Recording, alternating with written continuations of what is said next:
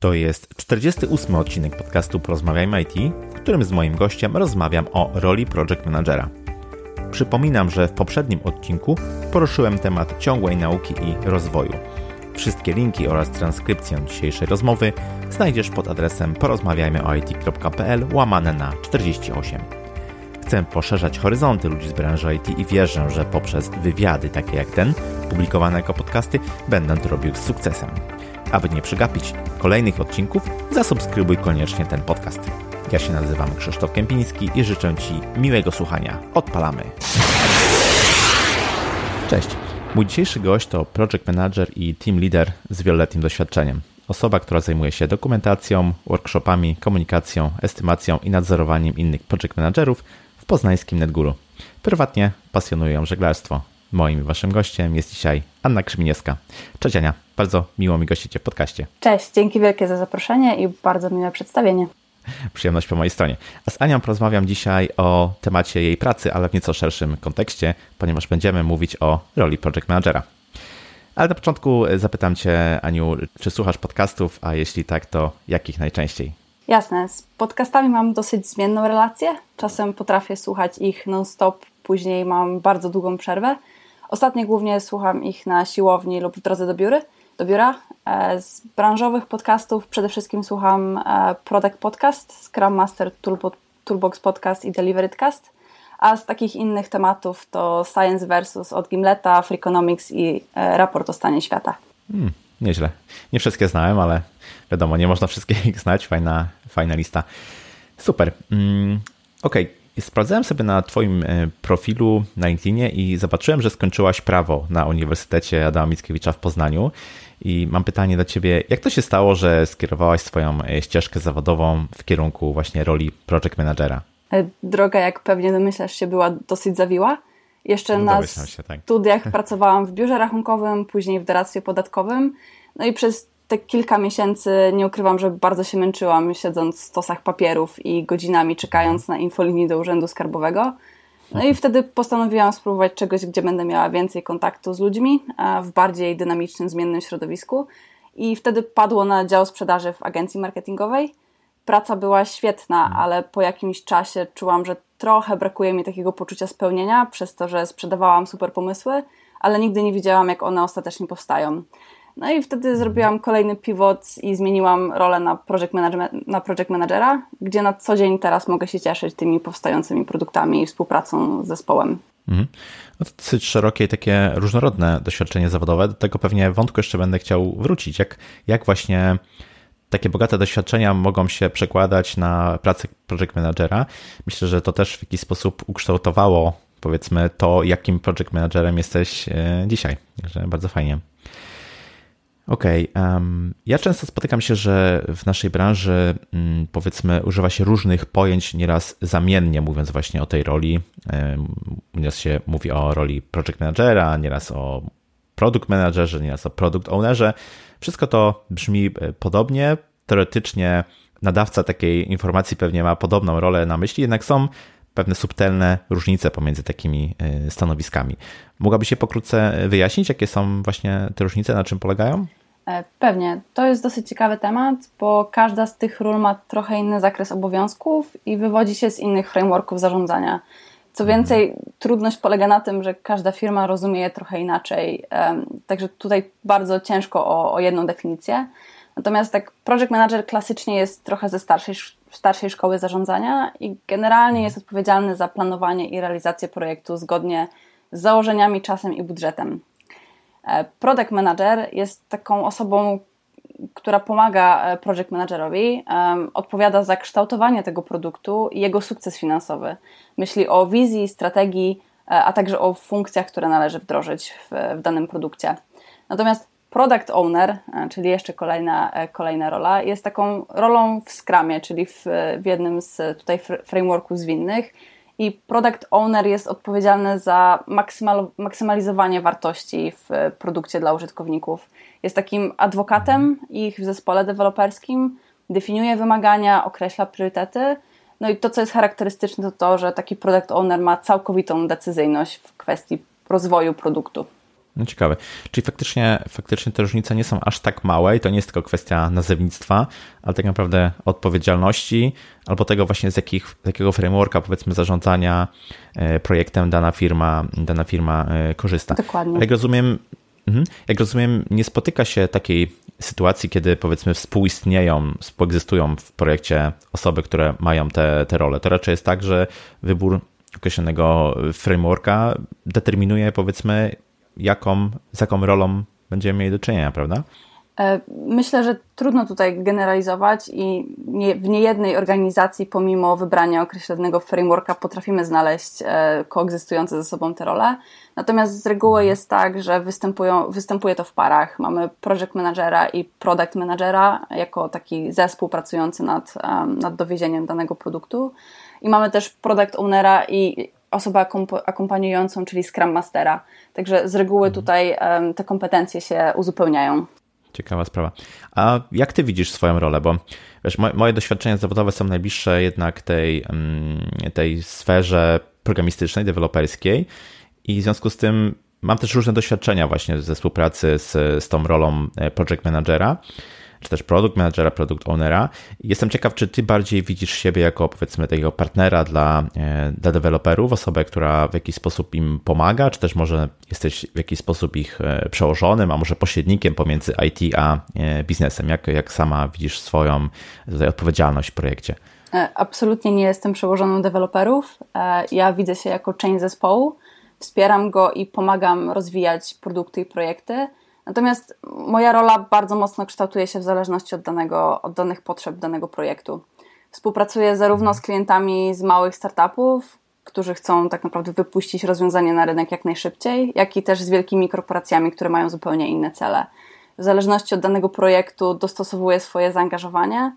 Czasem mocno się skupiam na pomocy klientowi w rozwiązaniu problemów biznesowych, e, na tym, jak układać priorytety, jak dopasować produkt do rynku i grupy docelowej a czasem klient posiada cały kluczowy know-how po swojej stronie, więc skupiam się głównie na wspieraniu zespołu, w planowaniu, w realizacji założeń, na jego, roz, na jego rozwoju i edukacji w samoorganizacji. Jasne. Czy to powiedzmy, to się zmienia, tak? W zależności od e, klienta, w jaki sposób ty pomagasz e, swoją pracą i ta twoja rola też w związku z tym w jakiś sposób fluktuuje, powiedzmy. E, dokładnie. Tutaj to, to jest bardzo charakterystyczne dla software house'ów. Mamy bardzo zróżnicowanych klientów i w jednym czasie możemy nawet współpracować zarówno z, ze startupem, jak i, z, jak i z wielką korporacją, i wtedy musimy szybko rozpoznać potrzeby klienta i dostosować swoje, swoje zaangażowanie i swoje obowiązki też do tego, żeby doprowadzić projekt do sukcesu. W związku z tym, jak zmienia się powiedzmy Twoja praca takim bliskim kontakcie z deweloperami, z programistami, bo to jest tutaj jak gdyby główna, główna mm, część moich odbiorców, to, to są właśnie takiego, tego tutaj e, typu e, specjaliści. E, jakbyś mogła powiedzieć, w jaki sposób współpracujesz z deweloperami? Ja przede wszystkim staram się zawsze być częścią, częścią, częścią zespołu i bardzo często być w kontakcie z deweloperami. Niejednokrotnie spotykamy się wspólnie na e, daily stand-upach, tak żeby omówić e, plany, blokery, inne potencjalne mhm. ryzyka, które widzimy. I też staram się zawsze wspierać ich, zrozumieć ich e, bóle w projektach, tak żeby je zaadresować z klientem lub z innymi mhm. interesariuszami. I też czasami staram się im doradzać, jeżeli jest to w zakresie moich, moich kompetencji. Staram się wskazywać im ryzyka, o których mogli na przykład nie pomyśleć w procesie tworzenia oprogramowania. Mhm no, taki produkt manager to, to naprawdę realna pomoc. To, to, ży, życzę sobie, żebym współpracował właśnie z, tylko z takimi, z takimi osobami. Okej, okay, a wspomnieliśmy tutaj kilka razy, że, że pracujesz w NetGuru, czyli no dużym software house, charakteryzującym się sporą e, zmiennością. E, poza tym zarządzasz zespołem e, project managerów, jesteś ich, jesteś ich przełożoną i chciałbym wrócić trochę do tego wątku zawodowego, który poruszyliśmy na początku. Powiedziałaś, że masz różne doświadczenia e, zawodowe z różnych dziedzin, z różnych e, branż. Właśnie chciałem Cię zapytać, z jakich branż pochodzą osoby, które obserwujesz, że najczęściej pracują na, na tego typu e, stanowiskach? Jaki najczęściej mają background zawodowy? Tak jak wspominałeś, ścieżki do project managementu są bardzo różne. U nas akurat sporo osób ma doświadczenie w pracy w różnych agencjach marketingowych jako accounci, mhm. czy też tacy BD salesi. Sporo osób trafiło do nas na przykład jako organizatorzy eventów, czy też po pracy w sektorach publicznych. Mhm. Mamy też osoby po studiach z ciekawych kierunków, jak na przykład etnolingwistyka, indologia, hmm. polonistyka. To, co jest charakterystyczne dla tej branży i dla project managementu, to to, że liczą się u nas bardzo kompetencje, a nie background zawodowy. Ale czy da się powiedzmy, czy są jakieś szkoły, jakieś kursy, które mogłyby umożliwić takie przejście, tą tranzycję w jakiś sposób uprościć dla osoby, która jest zupełnie z innej branży, czy też raczej to polega na tym, że po prostu wchodzi się do takiej pracy, do, do, do takiej firmy i uczy się, powiedzmy, rozwiązując realne problemy? E, zdecydowanie warto, warto zainwestować trochę w edukację. To, co my zawsze rekomendujemy, to zapoznanie się ze Scrum Guide'em i przeczytanie chociaż jednej czy dwóch mhm. książek na temat zarządzania w Scrumie. E, dodatkowo jest szereg um, kursów na Udemy czy kurserze, którzy poruszają ten, ten temat, także tutaj zawsze warto się e, z tym, z tym zapoznać. No i też to, co jest e, bardzo ciekawe w takim środowisku um, project managerskim, to ilość inicjatyw też e, w, chociażby w Poznaniu, gdzie możemy mhm. spokojnie chodzić na meetupy, na warsztaty i czerpać tą wiedzę bezpośrednio od osób, które już, e, już w, tym, w tej dziedzinie pracują. Ja obserwując project managerów, z którymi mam do czynienia, najczęściej współpracując przy rozwoju różnych startupów, mam wrażenie, że odpowiedzialność tej, tej tutaj grupy zawodowej jest dosyć szeroka, tak naprawdę ilość obowiązków, no nie da się łatwo tego w kilku zdaniach powiedzmy zebrać. E, za jakie obowiązki ty jesteś odpowiedzialna jako e, project manager w swojej pracy? Albo może jakie kategorie powiedzmy e, obowiązków? To jest bardzo ciekawe pytanie. Jak przygotowywałam się do podcastu, to musiałam chwilę pomyśleć, żeby sobie zdefiniować dobrze w głowie te obowiązki. Mhm. I one skupiają się przede wszystkim w dwóch obszarach. Z jednej strony to jest współpraca wewnętrzna i wspieranie organizacji w jej rozwoju, czy to przez dzielenie się wiedzą z innymi project managerami, czy też jakby praca nad usprawnieniem procesów wewnętrznych. E, no i oczywiście na pracy projektowej i tutaj wydaje mi się, że dominują trzy główne aspekty. Po pierwsze jest to praca z zespołem, wspieranie go komunikacyjnie, organizacja pracy, znajdowanie obszarów do optymalizacji, edukacja i rozwój tego zespołu. Drugim takim obszarem jest praca z klientem i z produktem. I tutaj przede wszystkim to jest wspieranie naszego klienta w priorytetyzacji zadań, e, bezpośrednia komunikacja, edukacja odnośnie zwinnych metodek zarządzania. No i trzeci to jest takie szerokie szeroko pojęte raportowanie, zarówno wewnętrzne, jak i zewnętrzne, odnośnie czasu mhm. pracy, estymacji, budżetu, deadline'ów. Także to są takie główne obowiązki. Hmm, całkiem sporo tego. Powiedzieliśmy, czy powiedziałaś, powiedzmy, w jaki sposób e, wspierasz deweloperów. Z drugiej strony mówiłaś też o tych różnych branżach, z których powiedzmy pochodzą e, project managerowie. I miałem wrażenie, że sporo z tych branż to są tak naprawdę takie zawody, czy takie, takie dziedziny humanistyczne albo bliższe powiedzmy biznesowi. Stąd chciałbym Cię zapytać, czy Twoja rola właśnie jest bliższa biznesowi, czy może takiej codziennej, powiedzmy, inżynierii, produkcji. Chodzi mi o to, czy musisz cały czas myśleć o tym, jak nowe rzeczy, nad którymi pracujesz, nowe feature'y, w jaki sposób one się przekładają na biznes, czy też bardziej skupiasz się na tym, powiedzmy, w jaki sposób je mm, wyprodukować, w, jak, w jaki sposób e, cały ten proces uskutecznić, przeprowadzić. E, który sposób myślenia albo która tutaj dziedzina jest Tobie bliższa? Prawdę mówiąc, ja nie wierzę w proces deweloperski w oderwaniu od biznesu. Moim mhm. zdaniem takie podejście w 99% przypadków kończy się niepowodzeniem i e, mhm. przepalonymi pieniędzmi oraz produktem, którego ostatecznie nikt nie używa, no i też frustracją e, klienta i zespołu. E, jako mhm. PMI musimy rozumieć biznes, musimy widzieć i rozumieć, jak nasze działania i wymagania, które dostajemy lub też tworzymy sami, wpływają na użytkowników i na, na to, jak nasz klient rozwija swoją, swoją firmę, swój biznes. Moim zdaniem to jest kluczowa część procesu tworzenia oprogramowania, także zdecydowanie e, wydaje mi się, że jest ona bliższa biznesowi.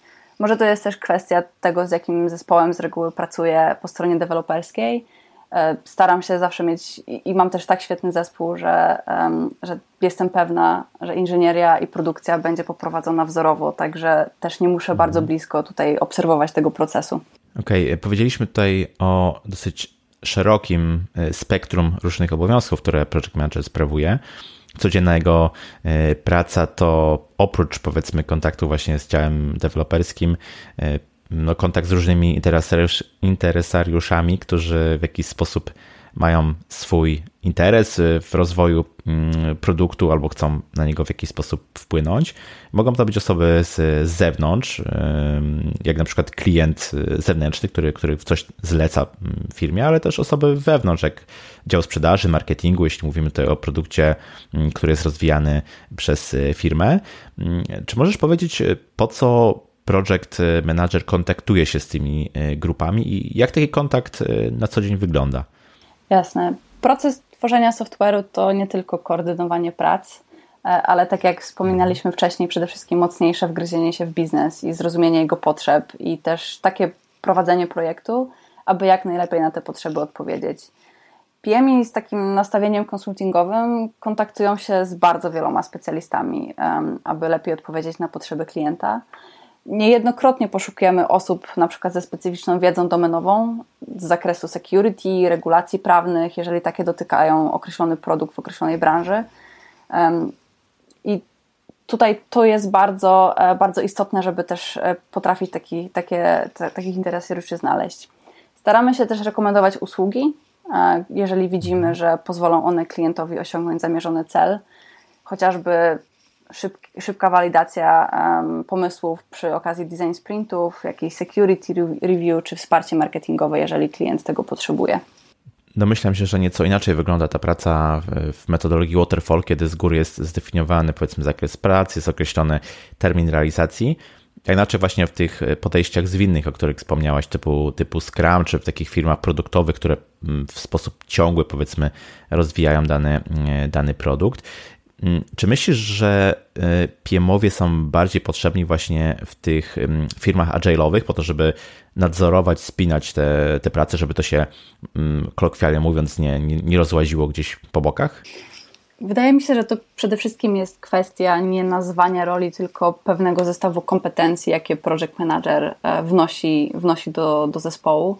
Warto pamiętać, że mhm. PMI nie są tylko odpowiedzialni za pilnowanie budżetu, skopu i realizację wszystkiego według planu, ale przede wszystkim obecnie uczą zespoły samoorganizacji, wspierają je komunikacyjnie, pomagają kontaktować się z interesariuszami, jakby no, spinają to wszystko w całość. Także moim zdaniem e, zdecydowanie są potrzebni także, także w tych e, firmach agile'owych, żeby faktycznie móc mówić o cross-funkcjonalnych zespołach. PMI także są konieczni te kompetencje, czy, te, czy, ten zakres, powiedzmy, działań, o których wspomniałaś, związanych właśnie z um, jakimś takim może wewnętrznym um, uczeniem, w jaki sposób się samoorganizować albo komunikować, to troszkę dla mnie się ociera o y, Scrum Mastera, rolę Scrum Mastera. Um, czy, czy tutaj jak gdyby jest to też jakiś rodzaj kompetencji, e, czy jakiś rodzaj obowiązków e, według Ciebie, który e, PM powinien realizować, czy też może powinno być dosyć sztywne takie rozdzielenie, jednak mimo wszystko powiedziałbym w miarę sztywnych i twardych takich obowiązków PM'a i takich bardziej miękkich Scrum Mastera związanych właśnie z uczulaniem całej organizacji na, na Scrama, na, na w jakiś sposób wzmacnianie tej, tej komunikacji, ulepszanie jej. Jak, jak widzisz e, tutaj ten, ten, ten podział? Akurat w naszej organizacji PMI zakładają bardzo wiele czapek, e, w zależności tak naprawdę jaka jest obecnie konieczność. I niejednokrotnie jest tak, że kompetencje po stronie klienta czy zespołu um, są właśnie już obecne. Jest project manager, który dba o budżet, e, jest project manager, który dba o, jest product, project manager, który dba o scope jest product manager, który na przykład patrzy na, na to, jak ma produkt, produkcję kształtować. I wtedy my jako PMI naturalnie stajemy się Scrum Masterami, którzy bardzo um, miękko wspierają zespół, e, starają się optymalizować jego działanie i wspierać go w rozwoju. Okej, okay, czyli w organizacjach zwinnych PMowie też muszą być zwinni. Dokładnie tak. W porządku. Okej. Okay. E, pracy PM-a istotne jest y, zarządzanie ludźmi, tak jak powiedzieliśmy, i też wywieranie wpływu i umiejętność przekonywania, ponieważ z jednej strony mm, PM-owie kontaktują się z, z, z biznesem, z, z, klientami, z drugiej strony z, z produkcją. Y, czy to znaczy, że osoba, która jest, y, powiedziałbym, z zasady introwertyczna, małomówna, nie sprawdzi się w roli PM-a według Ciebie? Moim zdaniem nie jest to akurat prawda. Osoby introwertyczne i małomówne może i nie nawiązują bardzo łatwo kontaktów, ale przez to, że często ich wypowiedzi są bardzo mocno przemyślane i poddane analizie, budują zaufanie i ich zdanie jest cenione, bo w sytuacji, kiedy mówią mało, ale bardzo mądrze, ich zdanie jest postrzegane jako ważne. Znam osobiście wielu introwertycznych PM-ów, którzy są naprawdę świetni w swojej roli, a sama też nie należę do osób raczej, do raczej dużomównych. Raczej, e, raczej tutaj jestem zdecydowanie po tej stronie małomównej, także, e, także ze spokojem sobie taka osoba poradzi. Jasne. A nie, nie słychać w ogóle tak naprawdę. Jest całkiem nieźle. Nie nazwałbym ciebie osobą introwertyczną. Wieloletnia praktyka. Jasne. Super. Dobrze, że można, dobrze, że potwierdzasz, że można na tym pracować. Także. Okej. Okay. W Scrumie, o którym tutaj trochę powiedzieliśmy, mówi się, że ten backlog zadań nigdy się nie kończy, że cały czas wpadają do niego pomysły na nowe funkcjonalności, błędy, ulepszenia itd., tak itd. Tak mm, czy, czy według Ciebie PM musi mieć taką zdolność mm, strategicznego, długoterminowego myślenia, priorytetyzacji y, zadań, żeby z tego, powiedziałbym, niekończącego się strumienia nowych, mm, nowych żądań czy nowych, nowych y, zadań wyłapywać tylko te, które są istotne. Na ile taka umiejętność strategicznego myślenia jest istotna w roli y, PMA? Odpowiadając klasycznie, to wszystko zależy. E, moim zdaniem planowanie jest istotne, e, w szczególności na najbliższe sprinty. E, warto mieć też długoterminową wizję i jakby umiejętność planowania i wizji i strategii jest bardzo cenna. Natomiast warto pamiętać, że w tworzeniu oprogramowania najważniejsza jest informacja zwrotna od użytkowników i stakeholderów. I to do niej trzeba się dostosować, a nie uparcie trwać przy planach. I o tyle, ile wizja i ta strategia długoterminowa dla produktu jest kluczowa dla jego sukcesu, natomiast sam proces planowania i droga do tego celu jest absolutnie uzależniona od feedbacku, jaki dostajemy z rynku. Więc trzeba pamiętać o takim delikatnym balansie między planowaniem a adaptacją do sytuacji. Niejednokrotnie też produkt um, nie ma produkt ownera o takich umiejętnościach i kompetencjach i wtedy project manager musi skupić się mocniej na wyłuszczeniu tej strategii, tak aby projekt zakończył się sukcesem. Niełatwa sztuka. Um, a czy, czy PM, który pracuje w branży IT, e, tak jak ty na przykład, musi mieć dużą wiedzę techniczną, żeby no, z jednej strony dowieść ten projekt, zda, zdawać sobie sprawę z różnych ograniczeń technicznych, z drugiej strony dobrze komunikować się z programistami? Czy ta wiedza w jakiś sposób jest tutaj niezbędna? Oczywiście dobrze wiedzę mieć. Ułatwia ona zdecydowanie komunikację z zespołem, prościej zrozumieć blokery, zarządzać ryzykiem. Mhm. Natomiast pracując w takich cross-funkcjonalnych zespołach, moim zdaniem nie jest to konieczne do tego, aby projekt zakończył się sukcesem. To deweloperzy są ekspertami w technologii, PMI wnoszą inne kompetencje do, do zespołu. I warto też mhm. pamiętać, że taką podstawową wiedzę techniczną można dosyć łatwo pozyskać obecnie. Jest wiele materiałów dostępnych online, um, chociażby na Udemy, czy, czy na Kurserze, czy nawet na. YouTubie wielu PMów e, też dzieli się wiedzą między sobą z tego zakresu, e, także w takich aspektach bardziej technicznych. E, co więcej, tak jak my edukujemy zespoły z metodyk zwinnych, z komunikacji czy zarządzania, tak samo zespoły edukują nas z aspektów technicznych. Po przerobieniu kilku projektów ta wiedza naturalnie przypływa. Mhm, Okej. Okay.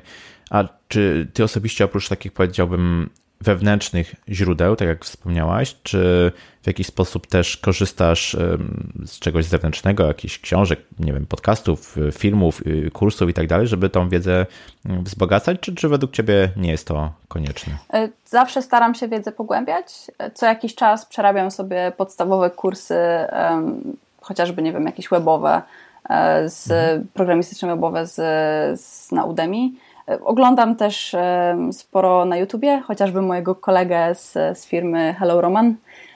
Też wiem, że mhm. mieliście okazję rozmawiać wcześniej. Tak, tak, był gościem. Mhm. Także, także zdecydowanie uzupełniam to wiedzę wtedy, kiedy mogę. A z jakich e, narzędzi korzystasz e, w swojej pracy? Mm, powiedzieliśmy już o tym, że powiedziałbym, zakres obowiązków jest szeroki, może się powtarzam, ale, ale to jest jak gdyby wniosek z, z, tej naszej rozmowy, więc domyślam się, że tych narzędzi dedykowanych do poszczególnych aspektów też jest pewnie, pewnie trochę. Czy, czy, czy są jakieś takie szeroko przyjęte, w, powiedziałbym, w roli PMA w branży IT narzędzia, które są powszechnie używane? Tak jak wspominałeś, narzędzi jest bardzo wiele i przede wszystkim trzeba się skupić na tym, żeby w nich nie utonąć, bo bardzo łatwo um, czasami ich nadużyć. E, nie ukrywam, że tylko bez kilku nie wyobrażam sobie pracy. Przede wszystkim dla mnie najbardziej istotne są narzędzia do komunikacji zdalnej, takie jak Slack, Meet, Zoom i tym podobne. E, gdy którejś z nich pada, to prawdę mówiąc, nasza praca zamiera. Poza tym wszystkie narzędzia do zarządzania zadaniami. E, ostatnimi czasy dla mnie jest to głównie Jira, a także narzędzia do przechowywania dokumentów, roadmap, budżetów, takie jak Google Drive, Confluence czy Miro. No i mhm.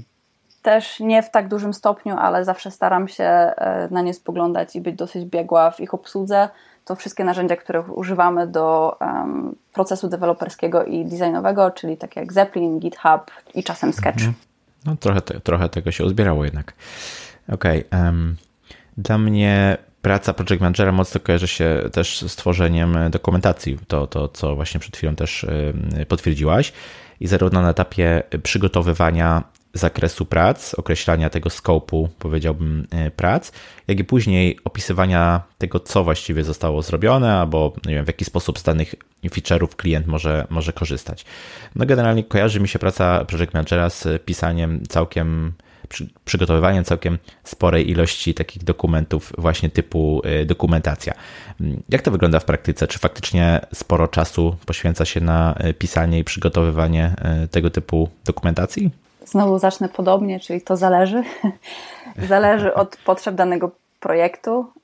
Wiadomo, że w momencie, kiedy współpracujemy ze startupem, e, to ten, ta, ta ilość dokumentacji jest stosunkowo znikoma.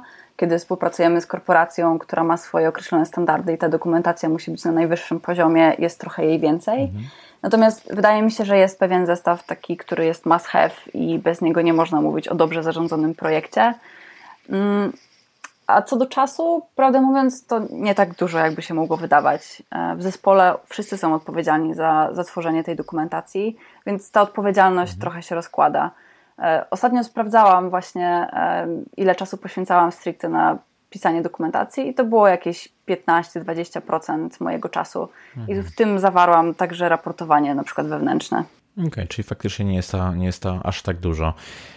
Ale domyślam się, że w związku z tym znajomość języka angielskiego musi być na nieco wyższym niż średnia poziomie, zwłaszcza jeśli współpracuje się właśnie z firmami zagranicznymi. Tak, absolutnie. My, my akurat mamy um, praktycznie samych klientów anglojęzycznych, więc e, nasza mhm. komunikacja odbywa się w pełni w języku angielskim. E, cała dokumentacja także jest spisywana po angielsku, także ten poziom języka musi być dosyć biegły. Mhm. Kolejne skojarzenie, które mi się pojawia w głowie, jeśli myślę o e, Twojej pracy, to związek e, z designem, e, czy też powiedziałbym ogólnie rozumianymi zagadnieniami UX. Mm, chodzi mi o to, że dobrze by było, gdyby PM potrafił czasem coś naszkicować, przygotować jakiś wireframe, chociażby poglądowy, który by nakierował designerów. Mm, według Ciebie to jest taka umiejętność typu must have, czy, czy może nice to have? Moim zdaniem zdecydowanie warto znać podstawy UX-a, pozwala to lepiej doradzać klientowi, zwracać uwagę na pewne niezbyt efektywne dla um, użytkowników elementy w designie. Bardzo często taka podstawowa wiedza też przydaje się na warsztatach takich jak Design Sprint. Dzięki umiejętnościom wireframe'owania można szybko zwizualizować to, co czasem trudno opowiedzieć. Natomiast warto pamiętać, że kiedy tworzymy takie produkty, możemy zawsze skorzystać z pomocy UX-owca, który pomoże profesjonalnie rozrysować potrzebne elementy. Także nie powiedziałabym, że jest to must have. Często też słyszę mm, właśnie w kontekście nowoczesnych projektów IT i ich e, realizacji, że warto albo no wręcz pewnie już nawet trzeba kierować się danymi właśnie w rozwoju, e, w rozwoju takiego produktu, badać e, w jaki sposób użytkownicy reagują, w co klikają i na tej podstawie podejmować kolejne decyzje, jeśli chodzi o planowanie feature'ów. Czy takie podejście data driven to jest faktycznie coś, czego używa się na co dzień jeśli tak, to w jaki sposób w praktyce się właśnie stosuje tego typu metodologie? Zdecydowanie decyzje produktowe warto podejmować na podstawie danych, a nie przeczucia. Można zbierać dane zarówno jakościowe, jak i ilościowe. Taka analiza przede wszystkim pozwala na bardzo szybką weryfikację hipotez i, i założeń, które mamy o naszym produkcie. Posiadając nawet podstawowe dane jako PMI, możemy bardzo szybko te pomysły zweryfikować i sprawdzić, czy jest to warte, um, warty wysiłek, żeby implementować jakieś na przykład feature'y. Z jednej strony można opierać się na ogólnych danych rynkowych o branży, konkurencji, demografii, zaangaż zaangażowaniu, w kształtowaniu grup docelowych, pricingu, ogólnej wizji, czyli na przykład biorąc takie dane rynkowe o pokryciu systemami operacyjnymi i urządzeniami, możemy w łatwy sposób zoptymalizować proces testowania do urządzeń, którymi, jakby, które są najpopularniejsze w naszej grupie docelowej i oszczędzić trochę czasu i budżetu, który inaczej byśmy musieli spalić na wsparcie na przykład Internet Explorera, mhm. który w ogóle nie jest używany wśród mhm. naszych użytkowników. Jasne, ma, ma to sens.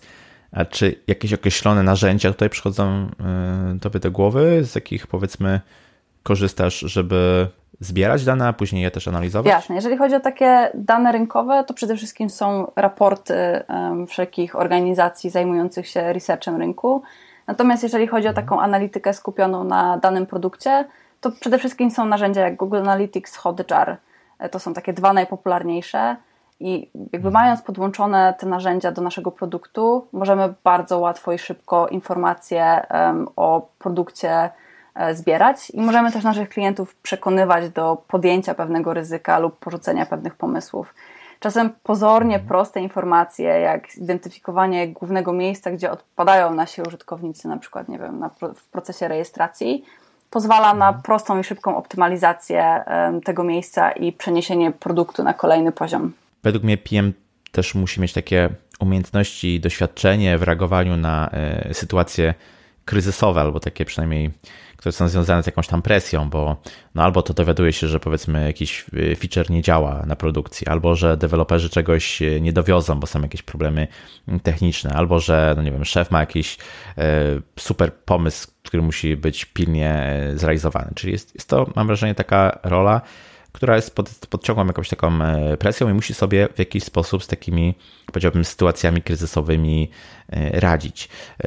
Czy często się to zdarza e, w Twojej pracy, czy, czy, czy taka praca, powiedzmy, jest w jakiś sposób stresująca? Chciałabym powiedzieć, że nie, ale niestety, niestety tak zdarzają się sytuacje kryzysowe no, nie ma co się oszukiwać. E, pracy project managera towarzyszy spora odpowiedzialność, jednak operujemy z dużymi budżetami i staramy się mhm. dowieść fajne produkty dla naszych, dla naszych klientów. Więc też e, musimy radzić sobie ze stresem, który, który się z tym wiąże. Presja ze strony klienta czy, czy zespołu deweloperskiego zawsze się pojawia, ale dlatego mhm. tak istotne w naszej pracy jest budowanie samoorganizujących się zespołów, które w sytuacjach mhm. kryzysowych mogą świetnie się wspierać i działać razem.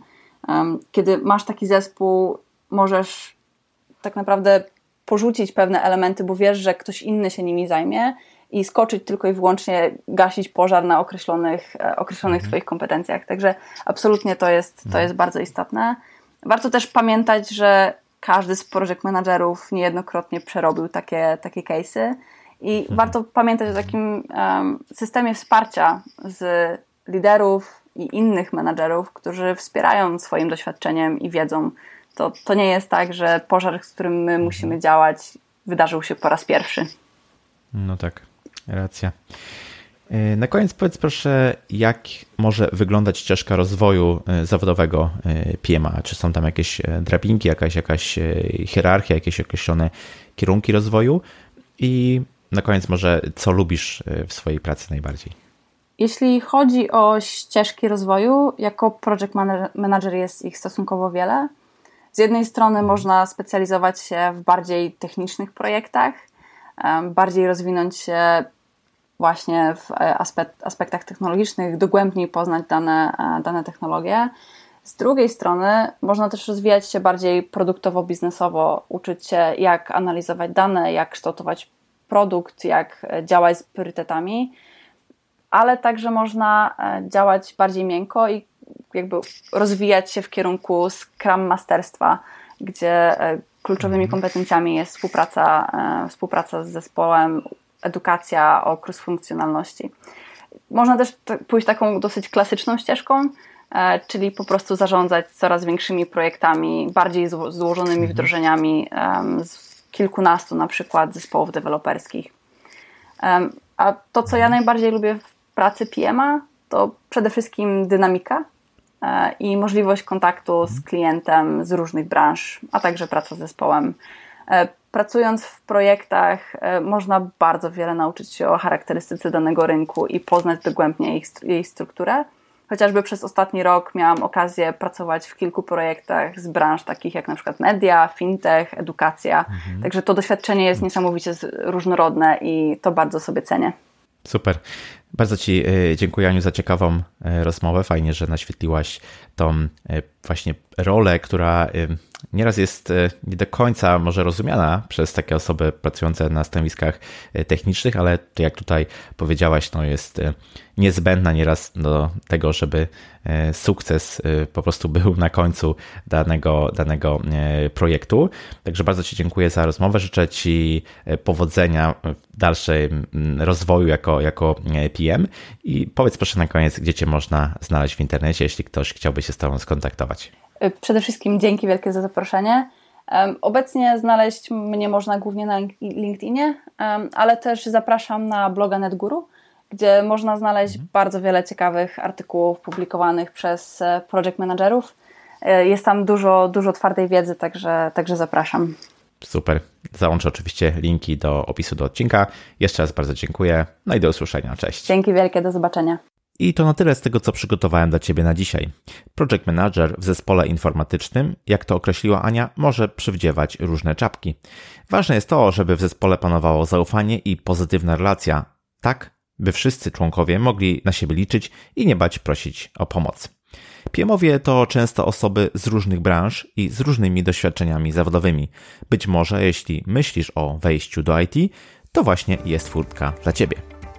Jeśli spodobał Ci się ten odcinek, podziel się nim w social mediach lub oceń w aplikacji, w której słuchasz podcastów. Będzie to najlepsza forma oddzięczenia się za treści, które dla Ciebie tworzę. Miło mi było gościć w Twoich uszach. Ja się nazywam Krzysztof Kępiński, a to był odcinek podcastu Porozmawiajmy IT o roli Project Managera. Zapraszam do kolejnego odcinka już za dwa tygodnie. Cześć!